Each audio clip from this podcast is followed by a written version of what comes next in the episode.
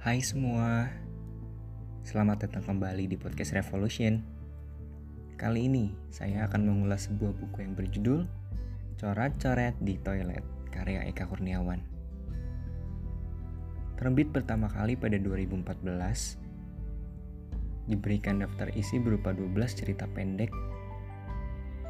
Buku ini diberi label 21 plus apabila kau cari di rak-rak buku dalam sebuah toko buku.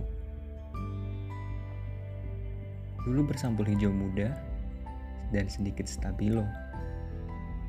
Dan cetakan terbaru bersampul putih sepertinya agar lebih estetik. Buku ini adalah kumpulan cerita pendek yang untuk sebagian orang mungkin saja tidak sesuai dengan buku pada umumnya. Dan pasti banyak yang bertanya-tanya, kok buku seperti ini bisa lulus sensor? Tapi tidak mengapa.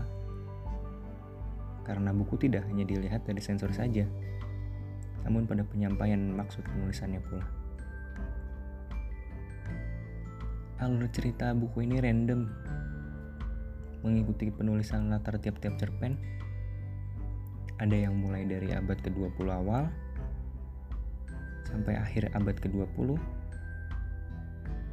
Dalam daftar isi tertera bahwa ceritanya meliputi Peter Pan, dongeng sebelum bercinta, coret-coret di toilet, teman kencan, rayuan dusta untuk Mariece, hikayat si orang gila, si cantik yang tak boleh keluar malam, siapa kirim aku bunga, tertangkapnya si bandit pencuri roti, Dewi Amor, dan kandang babi. Saya hanya akan menceritakan beberapa part saja karena kalau semuanya diulas, kepanjangan podcastnya. Buku ini dibuka dengan cerpen bertajuk Peter Pan yang bercerita mengenai pencuri buku yang berharap untuk pemerintah mencintai buku dan membaca.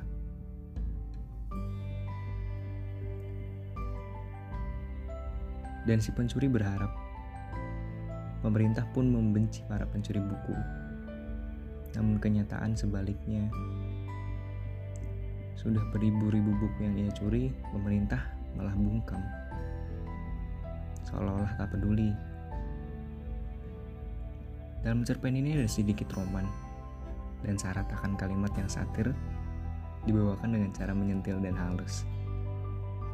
Seperti tamparan. Dalam bab selanjutnya disuguhkan dengan cerpen yang judulnya Dongeng Sebelum Bercinta. Yang mungkin untuk anak-anak muda yang baru puber sudah negatif thinking melihat judulnya. Cerpen ini menceritakan tentang perjodohan di mana hubungan pernikahan tanpa cinta dan tentunya dipaksakan.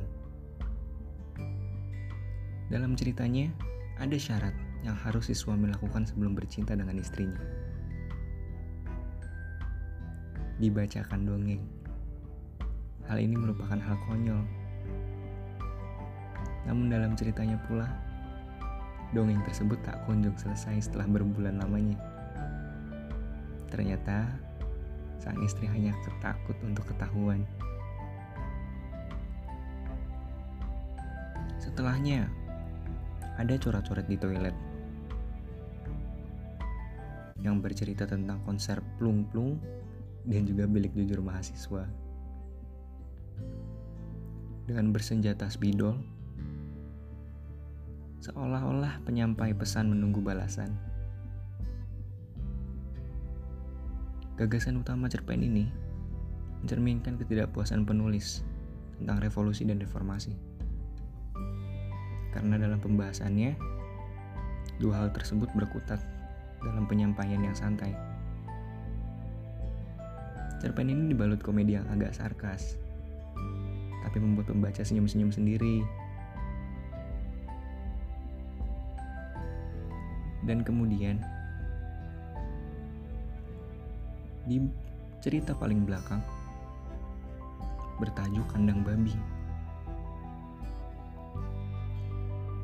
Bercerita tentang si Eddie idiot yang bermukim di sebuah sudut ruangan yang katanya senyaman kandang babi. Di ruang terbengkalai yang tidak lagi digunakan oleh fakultas. Mulai dari caranya tinggal,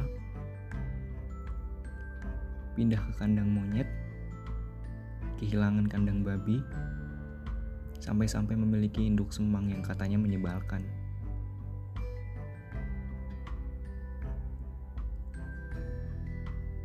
Dan si Edi idiot ini paling takut akan satu hal.